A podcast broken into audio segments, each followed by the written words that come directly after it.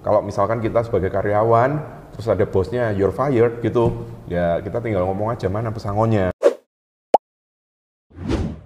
Halo teman-teman, kembali lagi ke Brand Advice Chat. Kita hari ini akan kembali menjawab pertanyaannya teman-teman dari question box kita. Dan temanya adalah tentang ketenaga kerjaan. Something yang aku yakin kita bisa relate to. Jadi nggak pakai lama, kita akan langsung lompat ke pertanyaan persatu.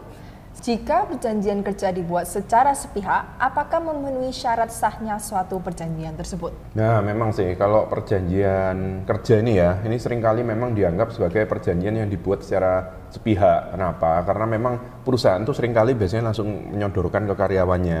Ini loh perjanjiannya dan itu biasanya sudah formatnya standar atau baku. Jadi biasanya si human resource manager ya HR-nya ini atau kadang disebut juga personalia ya itu memberikan. Nah si karyawan ini terus biasanya nggak membaca langsung tanda tangan. Nah padahal di situ karyawan diberikan hak diberikan hak untuk membaca dulu memahami dulu isinya menanyakan poin-poin yang sebelumnya mungkin sudah pernah dibahas ya.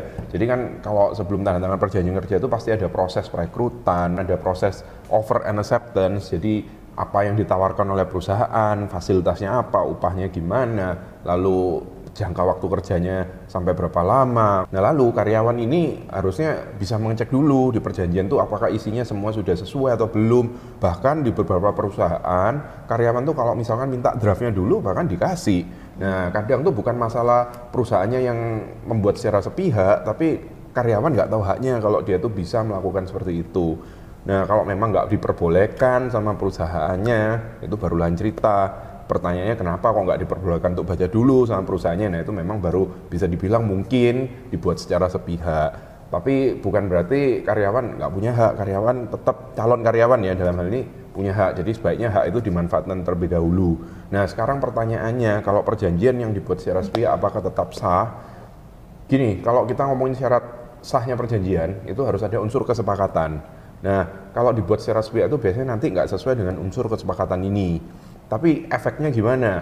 Efeknya bukan berarti perjanjian ini langsung nggak sah atau bisa batal. Karena kesepakatan ini merupakan unsur subjektif atau syarat subjektif dari perjanjian di mana akibatnya kalau nggak dipenuhi itu dapat dibatalkan. Bukan istilahnya batal demi hukum, tapi dapat dibatalkan. Jadi perjanjian ini ya in general tetap berlaku kecuali nanti kalau ada yang merugikan atau gimana nanti baru bisa dilakukan pembatalan.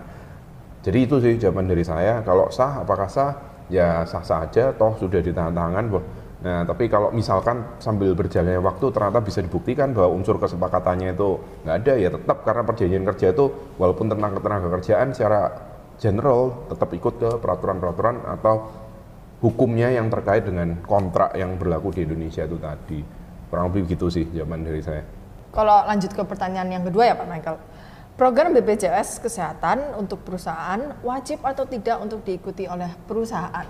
Hmm, kalau secara peraturan ya, memang wajib perusahaan wajib mendaftarkan pekerjanya atau karyawannya, uh, walaupun nggak bisa mendaftarkan secara langsung. Kalau nggak salah bahasanya di undang-undang tuh atau peraturan tuh uh, secara bertahap gitu. Nah nanti lengkapnya mungkin dikeluarin aja pasalnya di sini ya. Hmm. Terus untuk pertanyaan yang ketiga apa Michael? Mengapa pesangon tidak diberikan kepada pekerja bila mengundurkan diri atas kemauan sendiri? Hmm. Kalau ini nanti jadinya semua karyawan mengundurkan diri semua nanti gitu ya. Mungkin dari segi keadilan ya. Kalau kita ngomong di Indonesia, Indonesia tuh peraturan ketenaga kerjaan tuh bisa dibilang cukup pro ke tenaga kerja gitu. Bahkan kalau kita lihat film-film ya kayak di Apprentice yang dulu Donald Trump itu kan selalu ada dikit-dikit you're fired gitu kan. Hmm. Terus kalau enggak di US kan kita lihat film-film Hollywood kan banyak juga yang karena apa dikit langsung you're fired gitu kan. Kalau di Indonesia nggak segampang itu.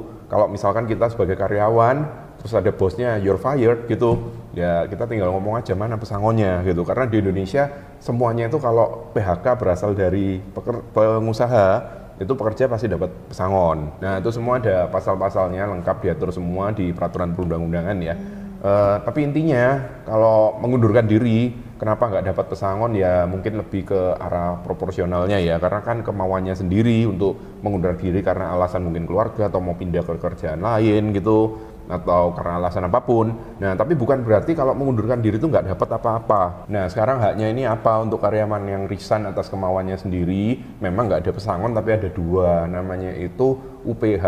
UPH itu uang penggantian hak dan uang pisah. Gitu. Hmm. Jadi bukan berarti terus kalau nggak ada pesangon, terus nggak dapat apa-apa. Masih ada dua hal itu tadi. Gitu. Hmm, gitu toh. Hmm, jadi ada dua ini ya. Uh, Tapi mungkin bisa dijelaskan dikit, Pak Michael kayak uang penggantian haknya itu apa, uang pisahnya atau apa? Karena mungkin juga ada teman-teman yang belum familiar gitu dengan term-term seperti ini. Hmm, kalau uang penggantian hak secara peraturan itu terdiri biasanya dari cuti yang belum diambil, terus ada juga uang ongkos penggantian untuk pulang ke daerah asalnya. Tapi kalau secara umum yang sesuai juga dengan perjanjian kerja, peraturan perusahaan atau perjanjian kerja bersama atau PKB istilahnya. Nah kalau uang pisah itu sebagaimana ditentukan di tiga hal itu tadi, eh, perjanjian kerja, peraturan perusahaan atau PKB gitu. Uh, tapi kalau untuk uang penggantian hak dan uang pisah ini, apakah proporsional dengan masa lamanya uh, orang ini bekerja di perusahaannya ya, Pak Michael? Nah, itu tergantung. Bisa juga kalau memang ditentukan di tiga hal itu tadi, di perjanjian kerja, peraturan perusahaan atau perjanjian kerja bersama. Nah, tapi kalau secara umum ya, kalau kita ngomong yang istilahnya sesuai dengan masa kerjanya itu biasanya disebut UPMK, itu memang bukan bagian dari karyawan yang resign atas kemauan sendiri. Nah, kalau UPMK itu namanya uang penghargaan masa kerja, itu biasanya bagian dari PHK yang berasal dari dari perusahaan gitu. Oh, baik, baik, baik. Oke, lanjut Pak Michael. Siap. Untuk pertanyaan yang keempat, apakah semua perusahaan terlepas dari besar kecilnya pendapatan harus memberi upah sesuai upah minimum? Hmm. Kalau untuk ini jawabannya harus dan tidak harus. Kenapa begitu Pak Michael? Nah, secara umum harus karena peraturannya memang mengharuskan. Tapi ada perkecualian. Perkecualiannya ini untuk siapa? Perkecualiannya ini untuk usaha mikro dan kecil. Itu diatur bahwa untuk usaha mikro dan kecil bisa mendapat keringanan di mana upahnya itu bisa sesuai kesepakatan antara pengusaha dengan karyawannya, dengan pekerjanya. Tapi ada syarat tambahannya harus eh, minimum berapa, minimum berapa itu ada hitungannya. Nanti dilihat sendiri di peraturan perundang-undangannya gitu. Oke, lanjut ke pertanyaan kelima. Hmm. Kelebihan pembayaran gaji dikarenakan kesalahan HC selama bertahun-tahun apakah harus dikembalikan? HC ini apa ya? Maksudnya mungkin Eh, H- human, human capital, human resource mungkin, typo ya? Iya mungkin Tapi C sama R kayaknya agak jauh. Ya kita anggap HR aja ya. ya. dianggap HR aja. Uh, jadi gimana tadi pertanyaannya? Kelebihan pembayaran gaji. Oke, kelebihan pembayaran gaji karena kesalahan HR apakah wajib dikembalikan? Iya, Ya. benar sekali. Nah, jadi kalau ini sih terus terang nggak ada aturannya yang eksplisit di Undang-Undang Ketenagakerjaan atau di peraturan turunannya ya, jadi di peraturan pemerintah juga nggak ada. Nah, tapi secara umum kalau dalam hal ada kelebihan pemberian dana ke kita, itu kan bukan hak kita ya berarti ya.